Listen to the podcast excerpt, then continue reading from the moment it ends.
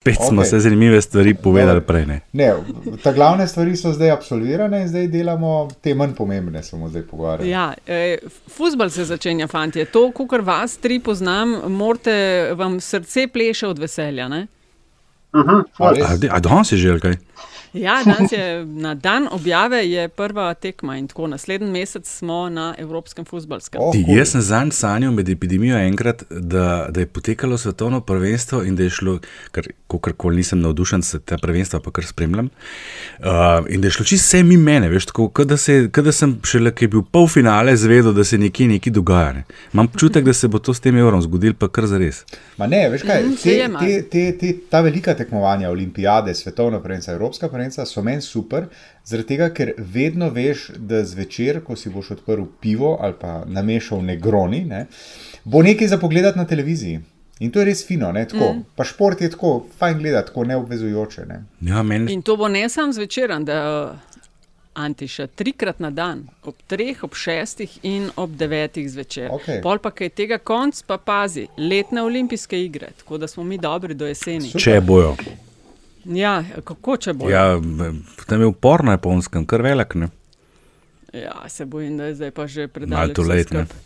Ja, veš, kaj sem te pa hotela tebe, Andraš, vprašati? Zadnjič si nekaj, nekaj uh, jedel, preden smo začeli snemati. Kaj so bili to? So bili to arašidi, ki sem se, veš, kaj sem se sprašvala? Kaj je vaša tista, kaj so vaše arašidi, čipsi, ribice, kaj jeste, ki zvečer kaj pogledate? Recimo, tako, kot bomo gledali futbol ali pa film. Vse od Vse, naštetega. vse, vse si že povedala. ne, a rašidi so bili. Ja. Ne, Spet kje so se Kaj- zavlekli. Če moraš enega zbrati, evo, če moraš enega zbrati, kaj zbereš? Trenutno rašidi. Uh, Ne, ne, ne, ne, ne, ne, ne, ne, ne, ne, te, ki jih je treba lupati. A, da še mal delaš. pa Ja, ja, ja, to pa da se pa sprašuješ, koliko ene svinerije zraven s prsti not v usta preneseš. Kaj pa vidva? ja, je, mislim, to, men, mislim, jaz niham smoki, čips, Uh, ja. uh, arašidi, isto. pistacije, oj, benti, vse to, uf, joj. Vse to, Zanj vse sem to. dobila v trgovini, a veš kaj, prav kupila sem tako. Ribice z makovimi semenčki. O, se spomnite tiste super. slane ribice? O, ja, Super ja. to. Ali jaš, ti si pa bolj tih. Ja, ne, razmišljam, jaz imam pa kvar. Mače brikete, ali jaš. Ti bi pa jaz Ja, ja, tebe dala ja. ja. na popkorn, Ni, nisi daleč od resnice. ker vem, da ful to delaš. Ponavadi ga sam naredim tudi, ampak to samo, če imamo družinsko, tako da raz, smo pa samo odrasli, pa je pa, pa, pa vem. Sir. Kakšne olive ali pa polnjene paprike. Joj, koliko smo sofisticirani. Uh, uh, Uh, Ja, ne. Uh, Bobi palčke polnjene za rašidi. uh, to ubijavsko. dobra. Joj. Uh. Pred nami je častna naloga.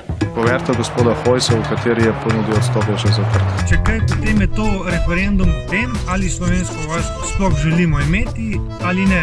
neke vrste zmenek rušiteljev temeljnih vrednot Evropske unije. Kar sem odšel iz politike, vse narobe. Več afer, kot bodo sproducirali, bolj bom grizla in sekala lovke. Osebno sem se danes testiral, čakam na rezultate zaradi preventivnih razlogov, da eh, ne bo potem kakšnih dilem. Mi nismo ničesar plačali, tako da zagotovo ne gre za goljofijo. Pa si vi sploh želite čim prejšnjega konca te epidemije? Te razprave ne bom nadaljeval, ker eh, nisem neumen. To je LDGD, podcast, ki nikogar ne podcenjuje in ničesar ne jemlje preveč resno. V imenu svojih najbližjih in v božjem imenu vas pozivam na lov. Uživajte, dokler lahko. Hvala lepa.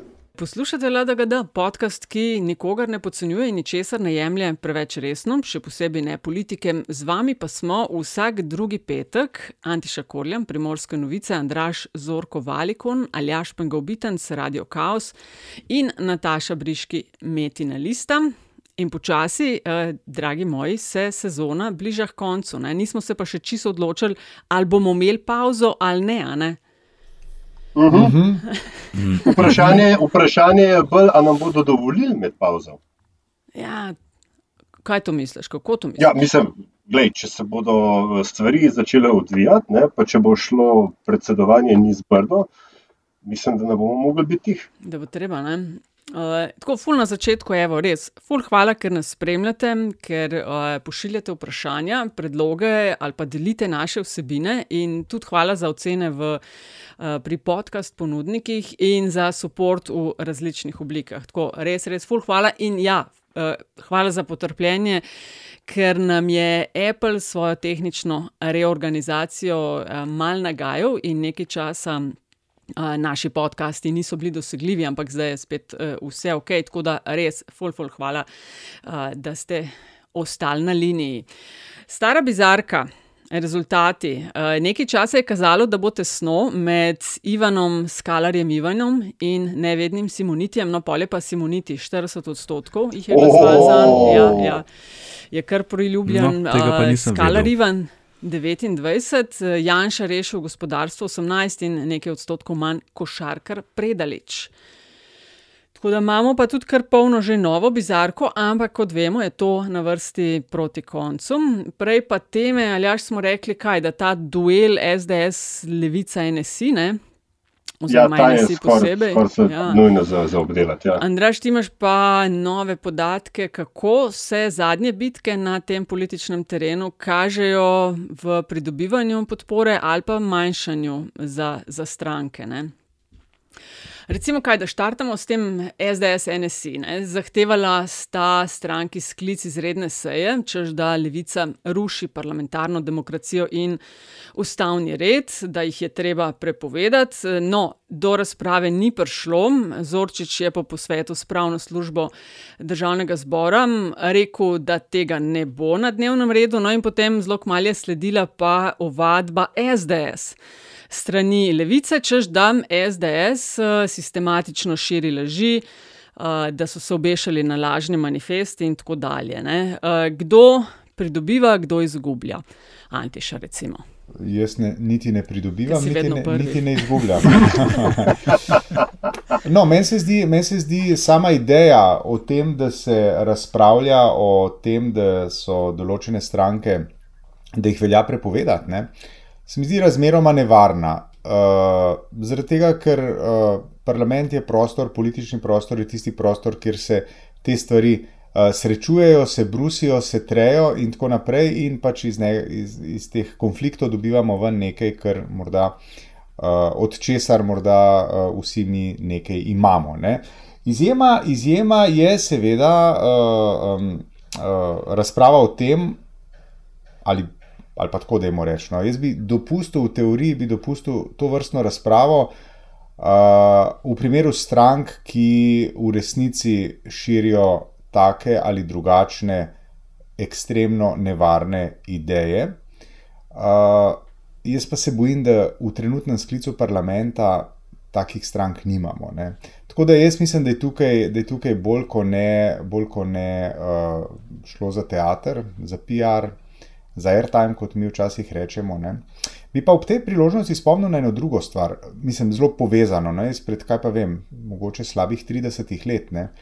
Ena podobna razprava oziroma ideja je že bila. Ne. Če se spomnite, ko je Jelinčič uh, se pojavil, mislim, da v parlamentu je strani LDS-a, nekdanje ZSMS, nastala ideja, da bi uh, to stranko veljalo prepovedati. A se kdo morda tega spomni?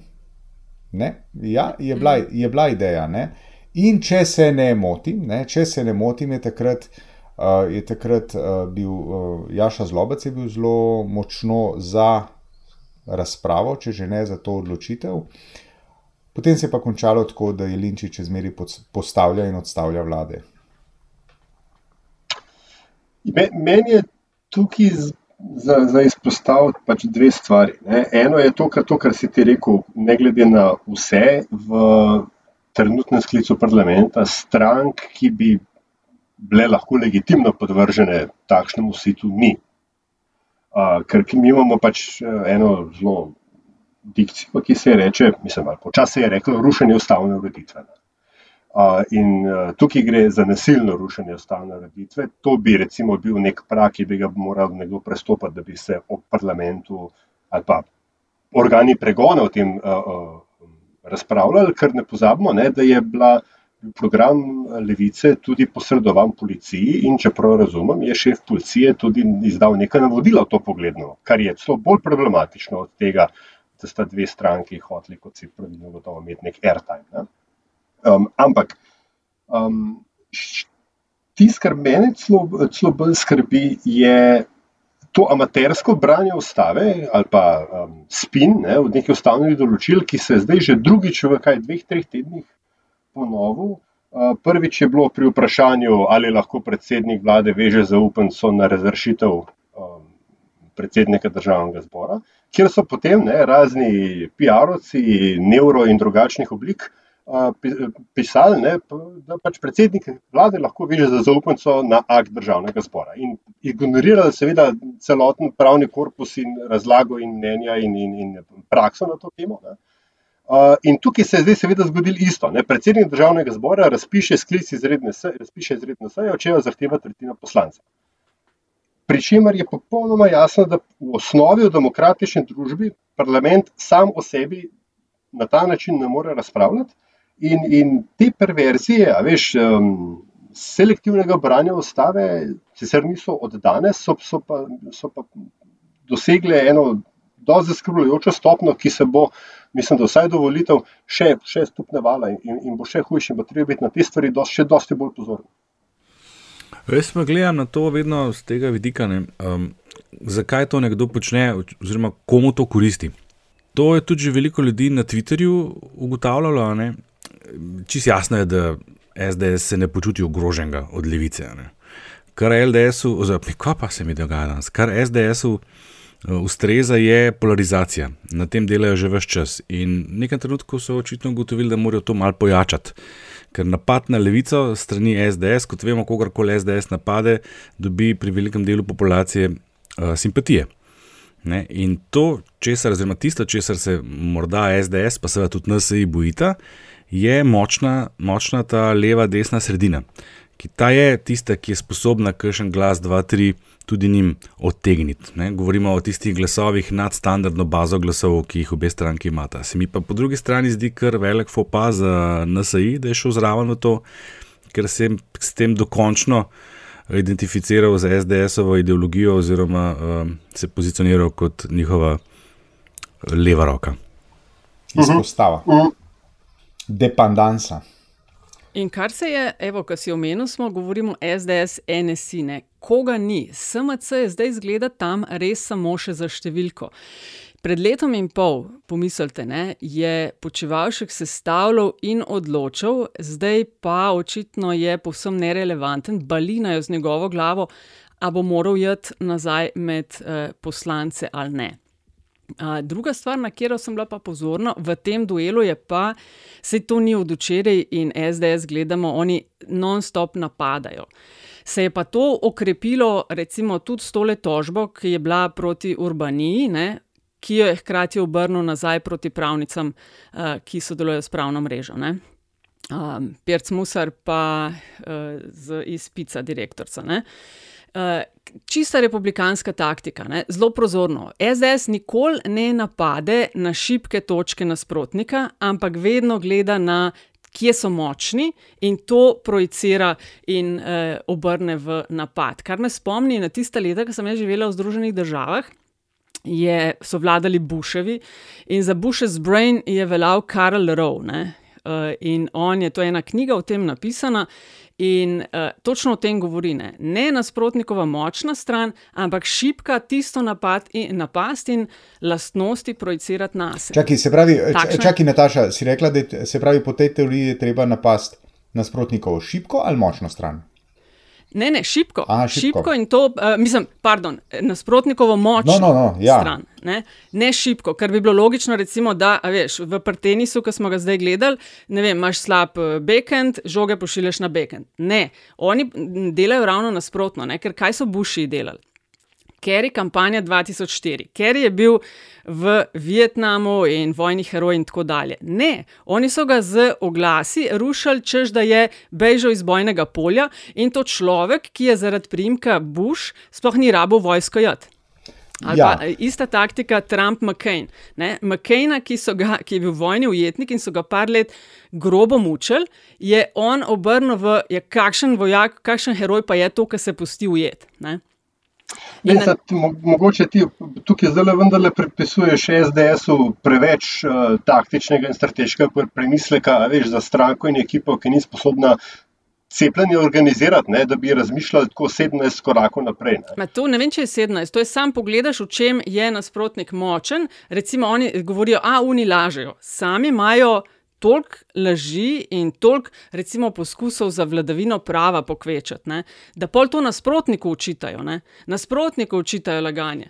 Mislim, to je tako, to ni, ni, ni mislim, dolgoročno, to je tako na prvo žogo. Vem, sem gledal, ta, ta, ta princip, to si ti, kaj sem pa jaz. Ne je pač ga poznamo vsi od petega leta dalje. To, to, problem, ki ga jaz tukaj za SDS vidim, je, da oni to, kar je zdaj opisala, so ponotranjali. To ni njihova taktika, to je njihov modus vivendi ta hip, ker. Če greste pogledat osnutke programskih dokumentov za, za SDS-ov kongres, tam noter je vsaj 50% levice. Oni na ta način, ne, mogoče se strinjam s to tezo, da hoče mogoče všibiti tudi uh, sred, levo in desno sredino, kot recimo stranski produkt. Ampak jaz to iskanje levičarskega hudiča uh, vidim predvsem v funkciji podpiranja in nagovarjanja lastne baze, ki se, po mojem mnenju, upravičeno sprašuje, kje da fakt so rezultati. Ja, ampak je ta modus operandi, lepo pogled, kaj so naredili zdaj s tem no, non-paperjem. Ker se tisto, kar se je dogajalo na Balkanu, zdaj projicira oziroma govori kot o nečem slovenskem in to seveda pade na njih, ker so oni vlada zdaj so iz naftalina potegnili deset let star, ne non-paper, ampak en zapis od Kučana in spet s Kučanom mahajo. Tako kot je vem, Trump, Hillary Clinton non-stop ven potegnil, tako so oni zdaj Kučana iz naftalina, lejte se ta non-paper in poskušajo podtakniti, da je bilo pa že napisano. Skratka, nekaj, kar se njih napada, takoj obrniti v drugo smer. Spin na spin. Spin na spin, ja, mislim tako. No. Ja, je, meni, je, meni se zdi to dosti ubogo in vedno manj prepričljivo. Ja, ampak glej, za njihovo volilno bazo je popolnoma zen. To je, to, je, to je trdna celota, ki kamor ne bo šla. Oni lahko naredijo, rečejo, krčijo, pa bo njihov rezultat na naslednjih volitvah enak. Niti ne bo manjši, niti ne bo večji. Kaj pa če baza doma ostane? Ne bo doma ostala. Ker, ker to, so, to, to, je, to je pripadnost, to, to moramo razumeti. To je, to je res nekaj. Ker smo bili pred ciframi, koliko je teh, ki bodo v vsakem primeru, veš, ki bi pač lahko dal, uh, kot ta Nataša rada reče, sendvič šunko. Ne, za, 230 tisoč. Ja, ne, ja, jih ni manj. Ne, na zadnjih je bilo 220. Ja, to, koliko ja. je prišlo na zadnje. Mislim, sed, njihova podpora danes v anketah je na nivoju tega, kar se je pokazalo na zadnjih volitvah. Oni so skozi nekje med 25 in 30, kar bi bilo zelo več kot na zadnjih volitvah. Oni so imeli, recimo, če smo že v te, temi cifrane, ko so prevzeli oblast, ne, so, so se jim rejtingi lepo dvignili. Veš, oni so bili pred, oziroma v času Šarčeve vlade, je bil SDS pod 25, ne, s prevzemom oblasti so šli takoj gor, ampak to sem že enkrat omenil, da vsaka stranka, ki prevzame vlado, na začetku eh, doživi tako dvojno zgor. Ki pa ponavadi ne traja dolgo, in tudi v tem primeru je bilo podobno, ker uh, Oni so bili ta prvi del epidemije, tja nekje do septembra, so bili bolj kot ne skozi na 30 celo. Ne?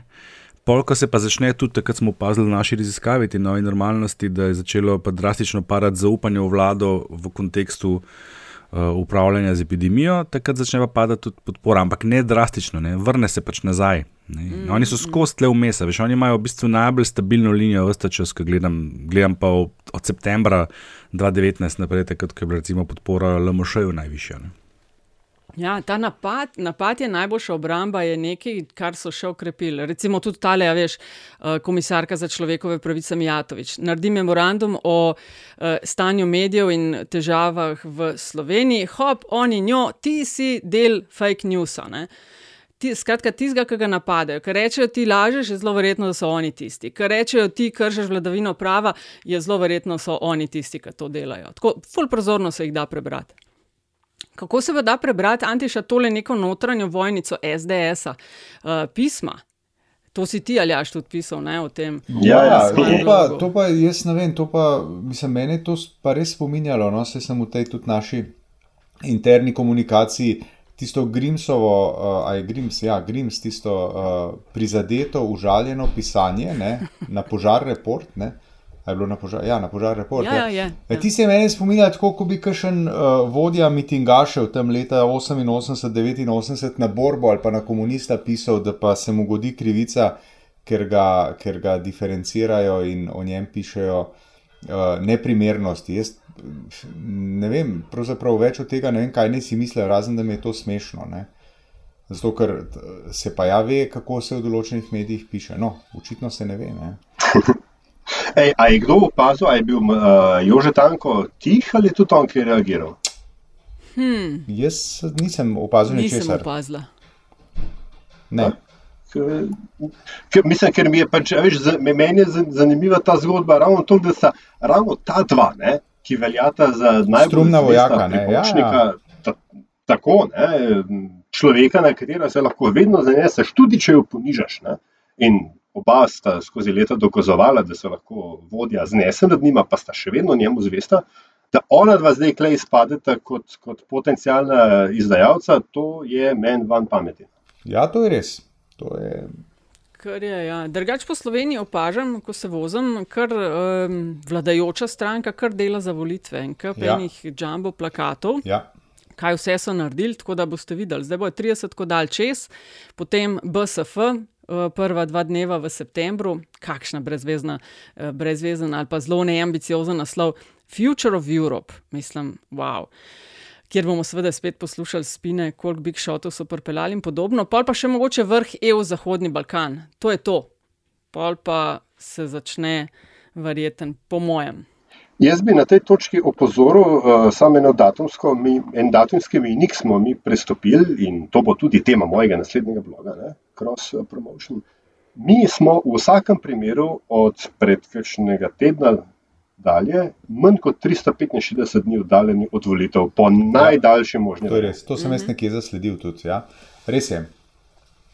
In počasi bo ti, ali jaš tele roke spremljaš, aj gledal, kdo na odboru predstavitev kandidata za pravosodnega ministra, gospoda Marjana Dikaučiča. Ne.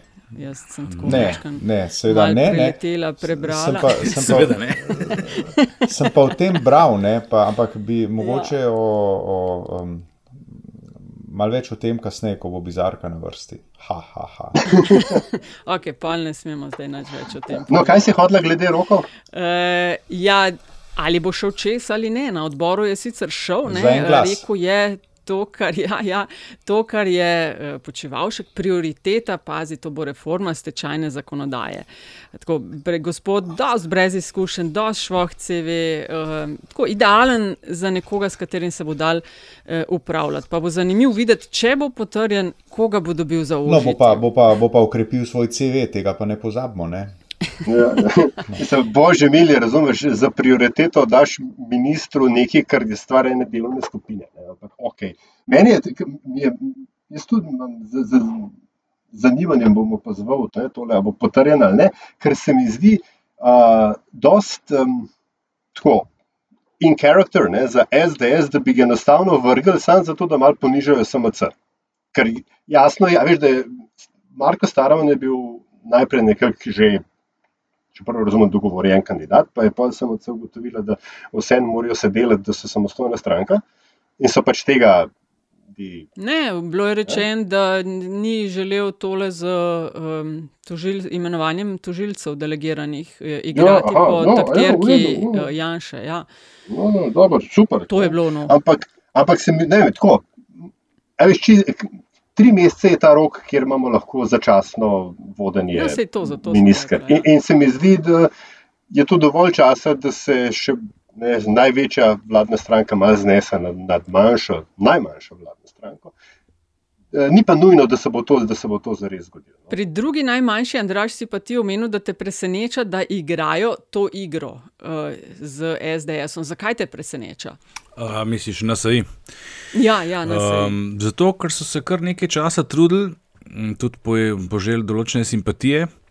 Na drugi strani, ne, da distancirati te stranke, začelo se je z Ljudmilo Novak, to je bilo kar dosto očitno in jasno. In spomnimo se tistega zborovanja, kjer so Ljudmilo izžvižgali pristaši SDS-a. Potem, ko je, ko je oblast v NSA prevzela mlada garda, se tudi niso kar takoj postavili ob bok eh, Janši in so še kar nekaj časa igrali na to, mi smo neki drugega. Ne? Odkar so šli v vlado, se je pa ta stvar malo mal spremenila. Mene preseneča to, da, da so. Mislim, da so se tako hitro no, na nek način sprijaznili s tem, da se itak ne moramo več doseči izven tega, če smo pa pod njim, bomo pa in na istem, kar smo bili prej, which is good enough. Veš, smo, mm. Imamo tri ministre v vladi, uh, smo prezentni, en, en še posebej um, v medijih, ne kako koli že zgleda. In, in očitno je to dovolj, mislim, mene ta preseneča, ta sta nek, tako čutim, nek, ok, vse je kar v redu, bomo mi kar tako, veš. Ta odsotnost stvari... ambicije, no? da bi bili kaj več kot to. Ne? Ja, v najmanj dveh ali pa treh stvarih so veliko prisotni v medijih. Ok, govorili smo že o vrtovcu, pa raznih teh infrastrukturnih zadevah, pa Uberju in tako dalje. Ampak v zadnjem času se spet se mi zdi, vse več piše o netransparentnem financiranju oglasov za vojsko. Mimo grede, do, mislim, da imate še par dni časa, če želite se v naborniško vojsko, prostovoljno služenje. Tri mesece plačajo, vse plačajo, in za avto lahko narediš. O, loste rezerva, rezerve, kaj ne zdaj? Ne, se ne mora, jaz imam doma dokument, da sem izbrisan, izbrisan iz vojaške evidence. Ja, si, č, si ČVR? Uh, ČVR? Črtan voz vojnega razporeda. Ja, tako. No, no, jaz to ne morem biti. Ne. ja. Ker nikoli nisem bil rezerviran. No, evo priložnost. Ne. No, to netransparentno financiranje oglasov se nekako ne znajo eh, razložiti, pa argumentirati, ker je zelo očitno, da uh, ni prav eht in diht vse skupaj. Ta druga stvar je pa zdaj, ki jo je minister Cigler kralj v promet spravil in to so spremembe družinske politike in politike zaposlovanja. Ne. Gre za štiri predloge uh, štirih velikih zakonov. Minister pravi, da gredo predlogi v smer digitalizacije, aktivacije zaposlenih in preprečevanja eh, zlorab. Jaz pa včasih pogledam, pazi zdaj to. CNVOS, ki je Združenje nevladnih organizacij Slovenije, ima od leta 2009 eno spletno aplikacijo, na kateri spremljajo in analizirajo, kako se vlade držijo Eh, resolucije o normativni dejavnosti. To je, ali ja, ti boš bolj vedel, državno-zborska resolucija, ki nalaga vladi najmanj 30-dnevno javno razpravo o vsakem novem predpisu. Zdaj, oni so te štiri vrgli ven in dali 14 dni. Ne? Če gre za tako velik poseg, se jaz sprašujem, zakaj pa samo 14 dni, ker tale števec s kršitvami kaže, da je od vseh predlogov, ki so jih dali, v dveh tretjinah kršijo to resolucijo. Skratka, vedno ali niti ne dajo v um, javno um, razpravo. Ali pa dajo prekratek rok. Ne? In Ministrstvo za delo, družino in socialne zadeve in enake možnosti je na visokem četrtem mestu, 88 odstotkov imajo teh kršitev.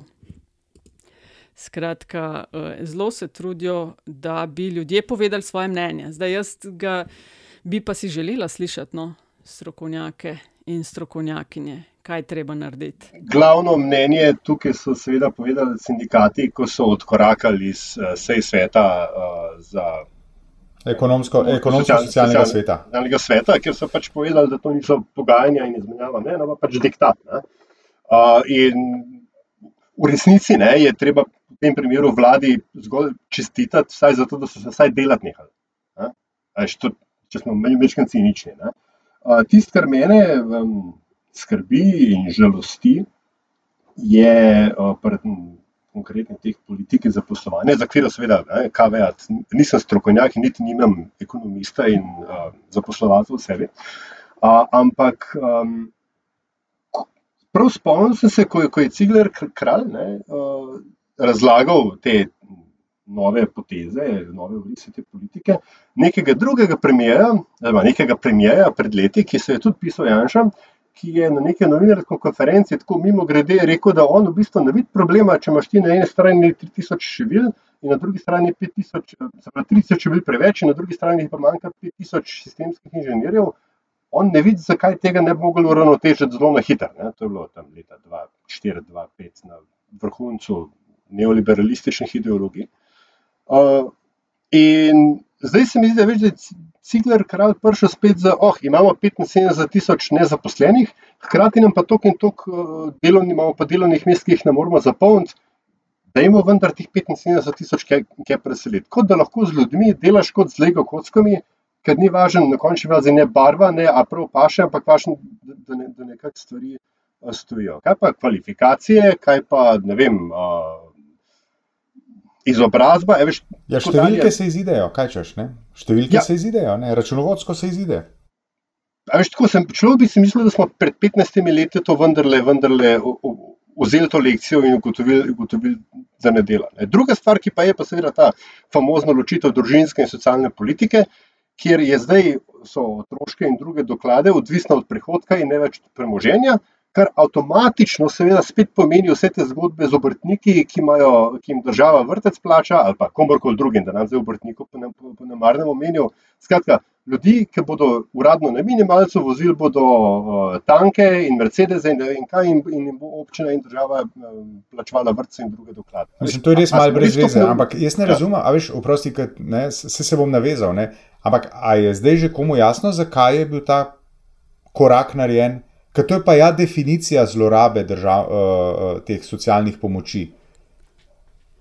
Ja, rekel je minister za preprečevanje zlorab in aktivacije brezposelnih. Ne? Zdaj, tako, če bom to definitivno je treba reformirati. Mi, sistem, kakršnega imamo, ni najbolj optimalen. Tako, včeraj sem imela en pogovor z, z sosedi in kaj so rekli, ko, so, ko smo o tem razpravljali, ne slučajno.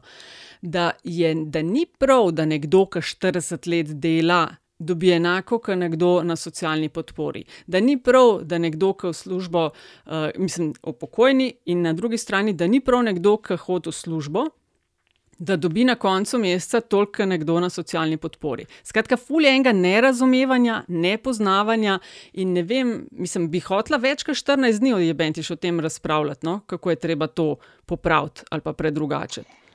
Mislim, ja, veš, jaz se bojim, ne, da gre tukaj primarno za, um, grdo rečeno, metanje rdečega mesa svoji bazi. Ne. Brez dvoma.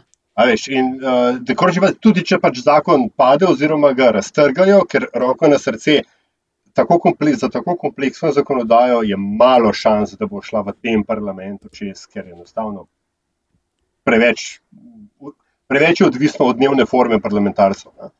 Um, ampak potem lahko rečeš, nekaj smo, se, nekaj smo vendarle poskusili, ampak nam grda, grda opozicija ni, uh, ni, ni dovolila. Ne? vse te nijanse o tem, kdo kaj zares dobi in kdo potem profitira, se pa seveda zgubijo.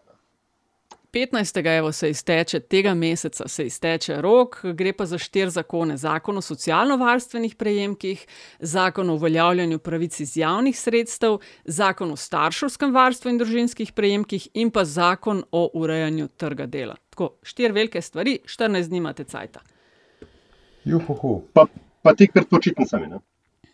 Ti, ja, tik, uh, zakon o vodah, oziroma pitna voda, pravici pitna voda. Kako je uradno? Ja. ja, pardon, na referendum. Kako je že uradno? Uh, zakon, ne, referendum o pitni vodi. Treba še enkrat naštudirati, predno odpreš to temo. Ne, mislim, da je zakon o vodah. Ja. ja. Um, a imamo kaj o tem za reči, ali je to nekaj, kar bom želimo čez 14 dni? 11. julija bo. Moj se zdi to ful pomembna tema. Zato, ker bo to prvi resen test uh, volje populacije, oziroma voljivcev, volilnih upravičencev. To bo definitivno na nek način referendum proti vladi.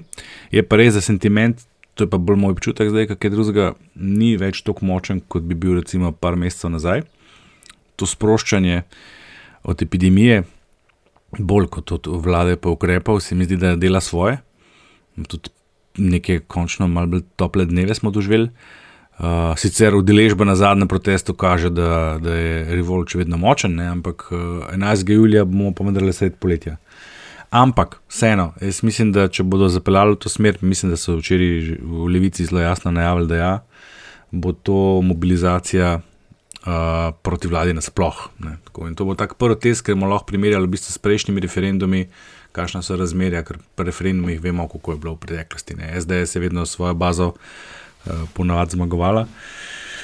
Tudi družinski zakonik je padel, sicer ne, ne zaradi voljivcev SDS, ampak po krivdi tistih, ki so vodili kampanjo za.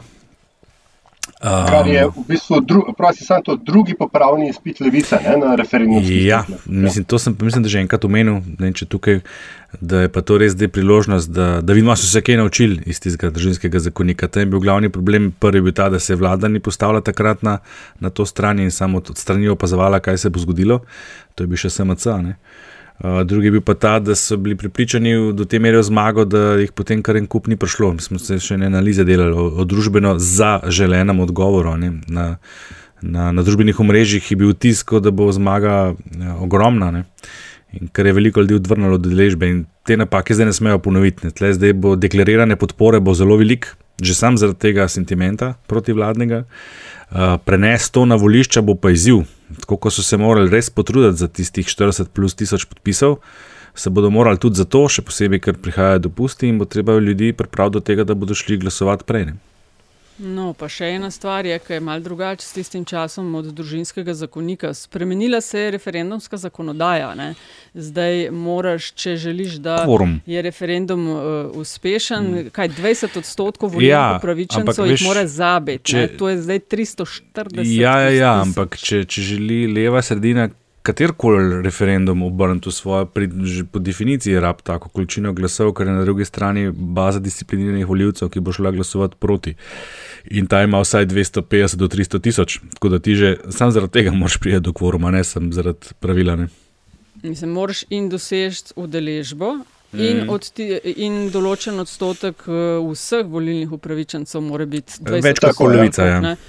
Skratka, veš, to je 340. Ne, se, ampak vse to, to, to, kar sem rekel, veš, uh, uh, v vsakem primeru, ne, ti, ti brez kvoruma ne moreš zmagati, zato ker imaš polovice. Tako.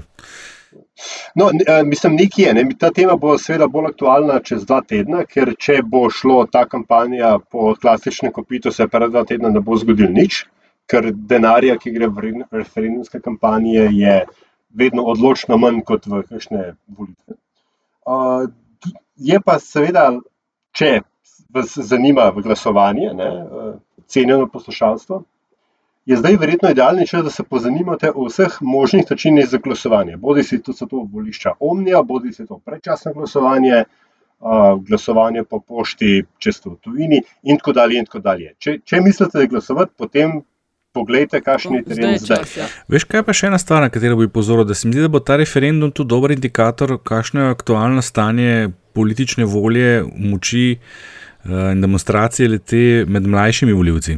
Uh -huh. uh, tema je uh -huh. definitivno taka, tudi to se pozna tudi pri zbiranju podpisov. Ne? Tema je takšna, ki se vodi v kontekst stvari, kot so podnebne spremembe, uh, etika, ekologija in tako naprej. In tle so mlajše generacije bistveno bolj angažirane, spet da ne bo pomote, ne, ne govorimo o vseh mladih, ampak delež tistih, ki jim to nekaj pomeni, je med mlajšimi višji. To je dejstvo. In to bo zanimivo pokazatelj, ne? če se bodo uspeli aktivirati. To bi bila pa lahko, seveda, potem gledati, da je levica tle frontmen med strankami. Ne? Eh, velika zmaga tudi za to stranko. Ne? Ne, ne, full dobro point, zaradi tega, ker jaz sem vedno malo pozorna, kako razne stvari komunicirajo. In sta tako SD kot Levica, ko so dejali izjave v zvezi z referendumom, ne, te ta zadnje, ker se je začela kampanja, ne, dali v spredje, dvakrat sem videla dve mlajši dekleti. No. Tako da um, je to, kako bo pri mladih uh, to se obneslo, je, je full dobro point. Ja. Um, ja, tole, da ne pozabimo, to si pa po mojem zasluži tako časno omembo, ko smo že pri komuniciranju. Govor Janja Medrendorferja o dopolnitvi Aha, ja. ustave ja. s pravico do uporabe in uh, razvoja slovenskega znakovnega jezika. Zdaj Slovenija je postala prva država, ki je v ustavo vključila gl jezik eh, gluhoslepih in to, kar je tisti dve minuti njegovega nastopa, bi jaz rekla, da je tako bilo zelo, zelo nadstandardno in, in nekaj najboljšega v zadnjih 30 letih pri nas. Ne vem, se strinjate, ste ga videli?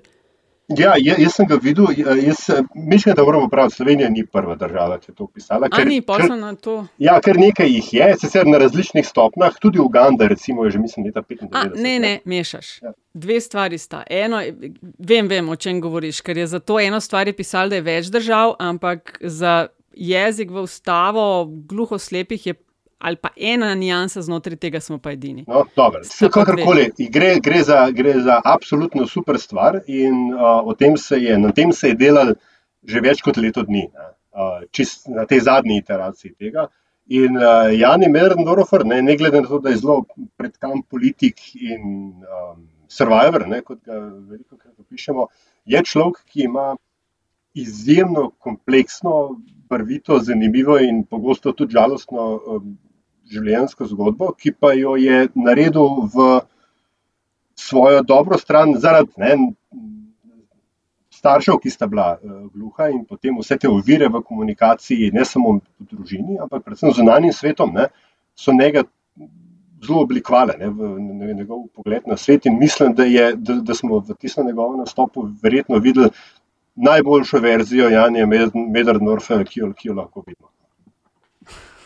Dobro si se pripravil. Ja, veš kaj? knjigo? Ne, no? samo pač, ker je bil mestni svetnik v Ljubljani. Ja, tisti čas. Pač, ja, ja, ja. Človek zve no, veliko stvari. Pa, no? Andraš, kako se pa to pozna, ker smo že rekli, da bomo pogledali ta tvoj znameniti Pole of Poles. Uh, kako se kaj kažejo zadnja dogajanja na notranje političnem terenu pri podporah strank? A se komu malo kaj uh, izboljšuje, izboljšuje, a je kaj? Pa, a veš, pravzaprav, tako če bi gledal na zadnjih par mesecev, niti ni nekih takih hudih sprememb, eh, če seveda ne upoštevamo konteksta predtem. Jaz sem šel pa, pa še en korak nazaj, ki si mi včeraj, tako da bodo poslušalci, poslušalke vedeli.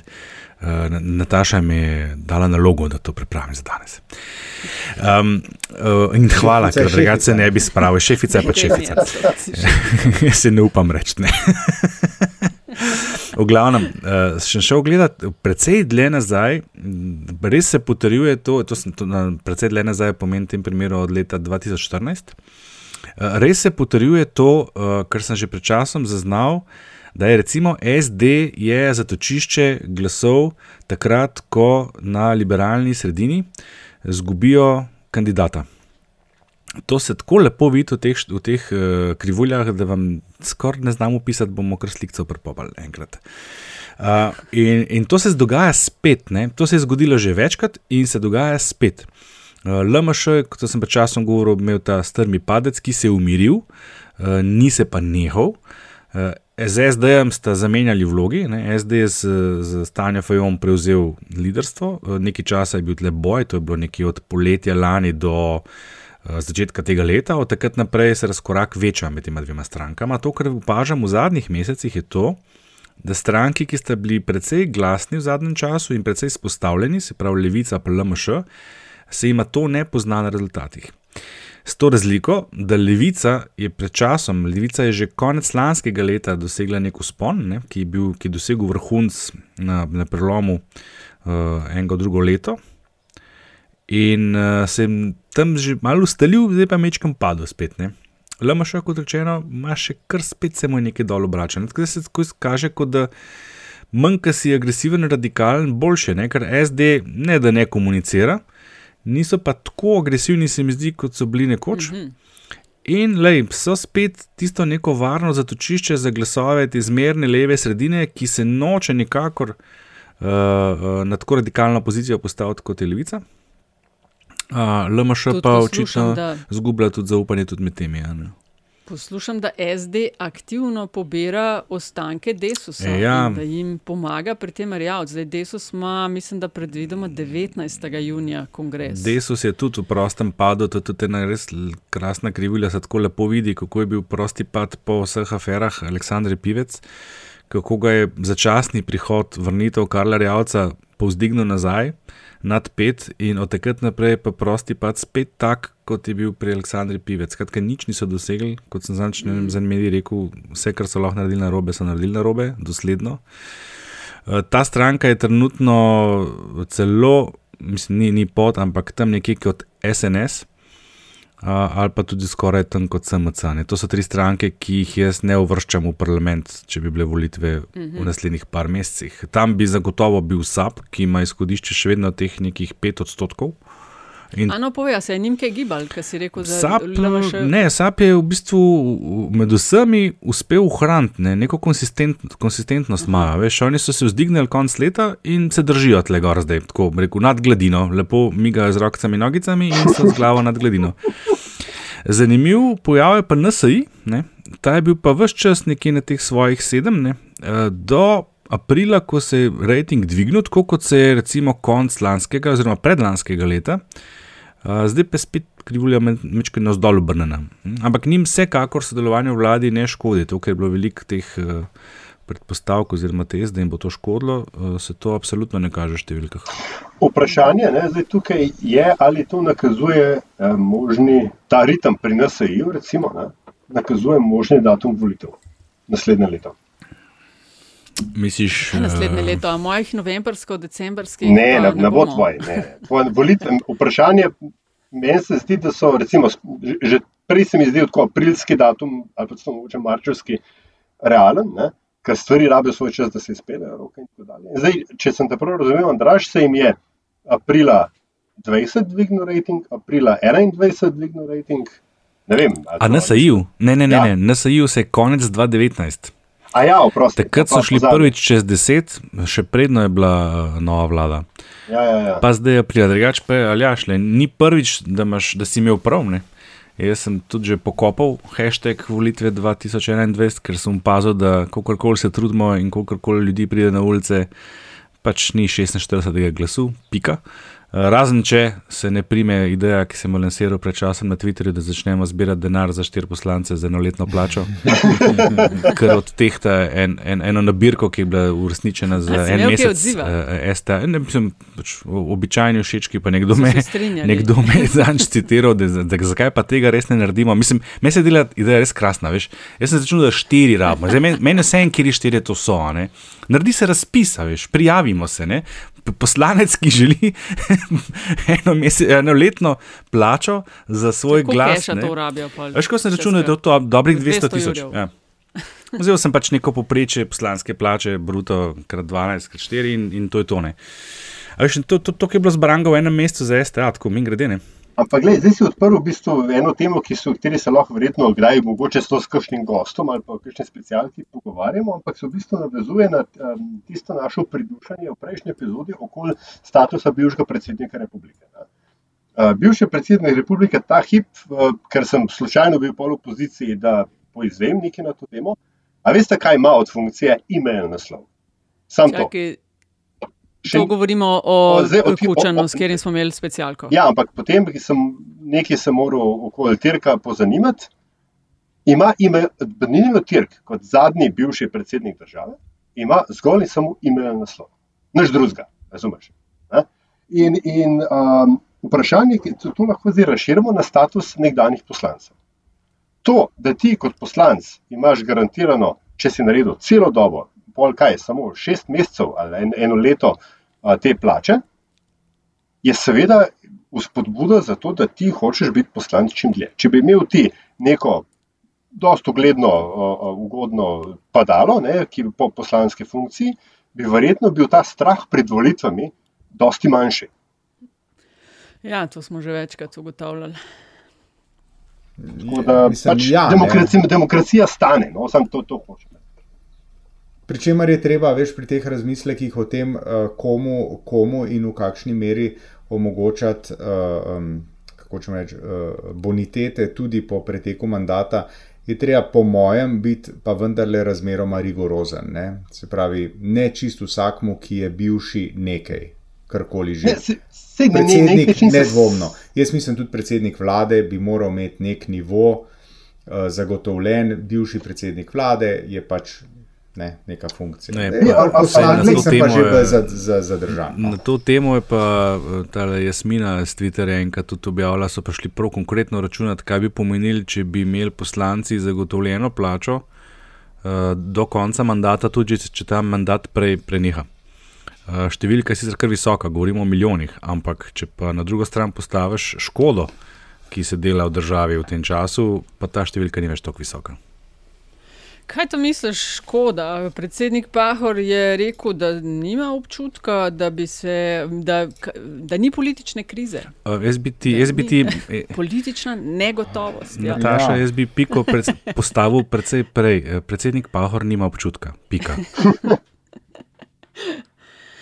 Ja, aktivno si prizadeva, to je že res, da ne bi bilo volitev in ponavlja diskurs uh, premijeja. Ja, gledaj, on, on ima pač boleče izkušnje na to temo. Čakaj, on... misliš, da. Sorry, povej. Ne, ne, ne, njega so dobesedno zvlekli v volitve ne, leta 2012. Ne, njemu, njemu je vlada razpadla pri živem telesu, bila je funkcionalno neobstoječa. Veš, njegova vlada je bila v situaciji, ko je imela enega ministra potrjenega premalo. Ne, pa so se vsi delali, mislim, on se je delal, da ni problema. Ne, dokler ni pač vendarle spregledal in ugotovil, da, da tako več ne gre naprej. Viš, ne, njega so dobesedno zvlekli iz, iz, iz, iz ministra, iz premijske mize. Ne, tako, veš, tako, nekdo si predstavlja, je Grimsov podpis, ne, ki ima pol do, do bizar počle, veš, kot nekoga, ki so ga zvlekli iz mize, pa še imel še kuli v rokah, on je še podpisal dokumente, ko so ga zvlekli. Ako smo že no, je, pa res, je pa res, oprosti, Nataša, je pa res, da so, ga, da so ga tudi malo manj košutnili na volitve, na, na katerih je kasneje zmagal. Ne? Če se spomnimo, on, on je bil uh, v resnih razmislekih, da gre že leta 2007 na predsedniške ja, ja volitve. Ja, ja, ja, ja, ja. In potem je pač tam na neki konferenci partijski rekel, da pač ne žrtvuje lastne ambicije za dobro stranke in poglej, poglej, zmago na volitvah. Ko smo že pri njih, ja, ne veš torej kaj, Antiša, ampak ja. on je žrtev, ne? ker on ni zmagal zato, ker je bil on. Ne? To on je bil prvi primer tega masovnega anti-janša, oziroma masovne anti-janša mobilizacije. Ja, ja, ja, ja, ja. Mislim, A mislite, da bi njiju, torej predsednika Pahorja in premijeja Janša, lahko prizadel zadnji ukrep predsednika ZDA in prepoved, kaj potovanj v ZDA, pa zamrznitev sredstev za tiste, ki prispevajo k rušenju stabilnosti na uh, Balkanu ali nekaj takšnega. Torej, ne? zakučena. Je... Lahko no, bi jo, ampak jo ne bo. ja. In tako nas pripeljemo, razen če bi želel še kdo kaj povedati, do bizarke. Ne, ne, v redu, jaz sem glih na 35 minut, tako da ja, skoraj da. Lej, pa, ker sem že lih kuča na omenil, pa me je skar začel. Ne.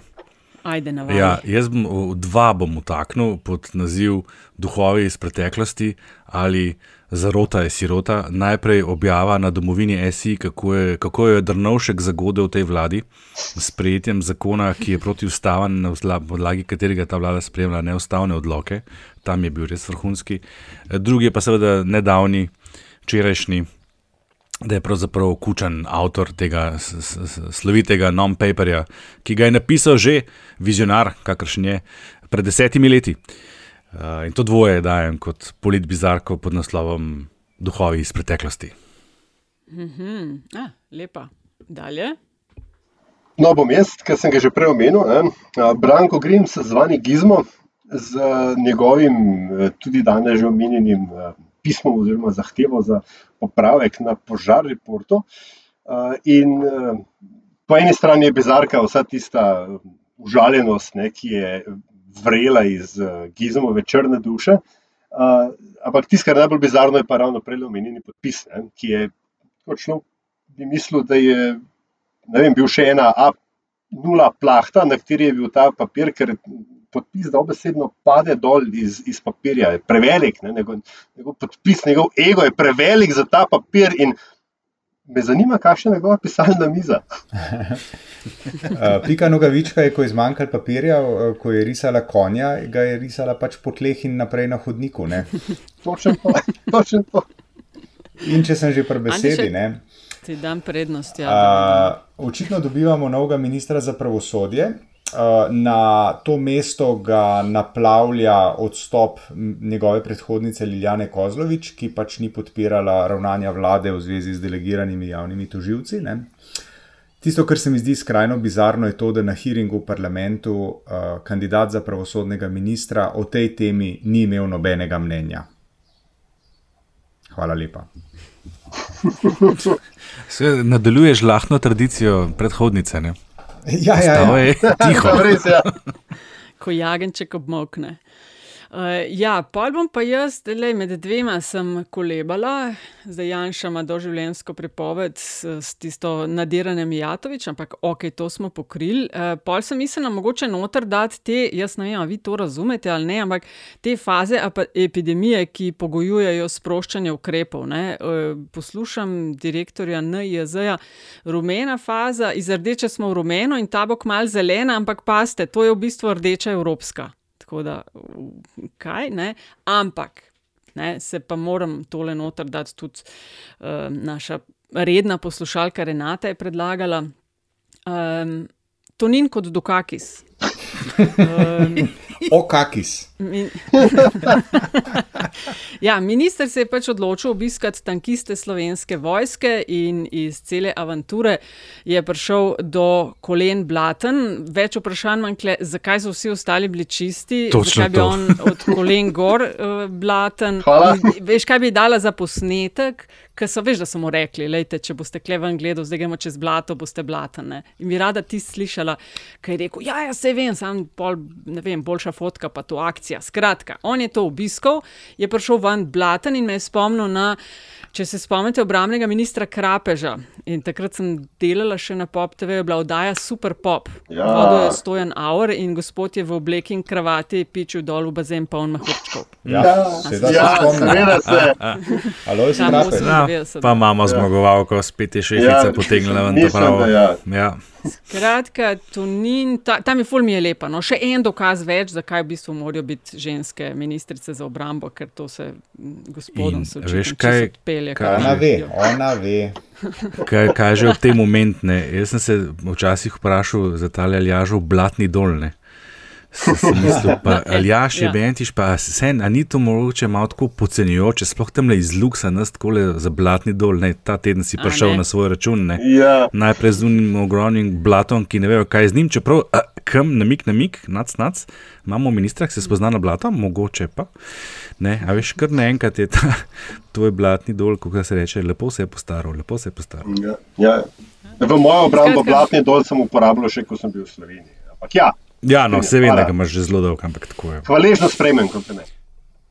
In tako iz nove bizarke pridemo, glasovanje bo seveda na Twitterju, pridemo do zadnjih 30, če vas ne moti, bi kar jaz. Kar izvolite. Vrnemo vrstni red. Izvoli, izvoli. No. Um, priporočam Mer iz Eastowna, sedemdelno miniserijo, kriminalko s Kate Winslet v glavni vlogi. Ona igra detektivko, dogaja se nekje sredi Pensilvanije. Um, po eni strani raziskuje zginotja deklet in en umor, po drugi pa ji razpada osebno življenje, zdaj preveč hkrati teče.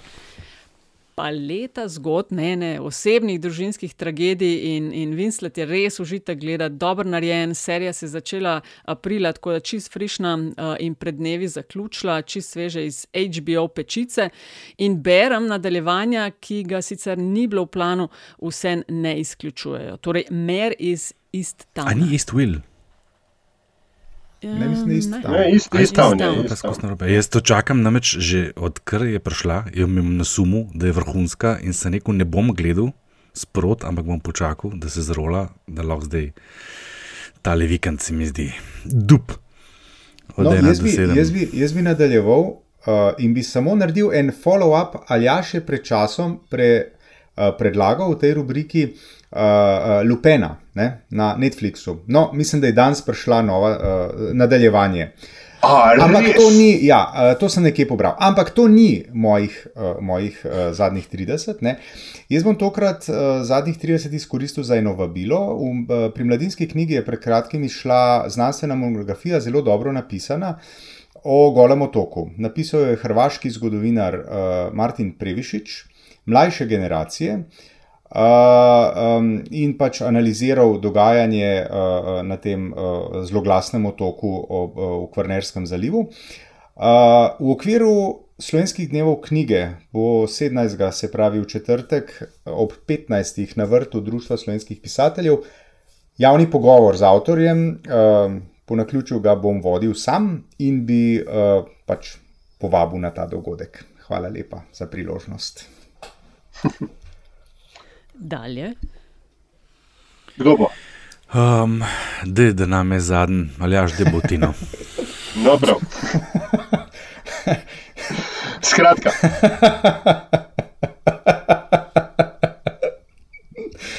Ta anti še smeh gre v naslednjo špico. Kdo bo zdaj nadraž?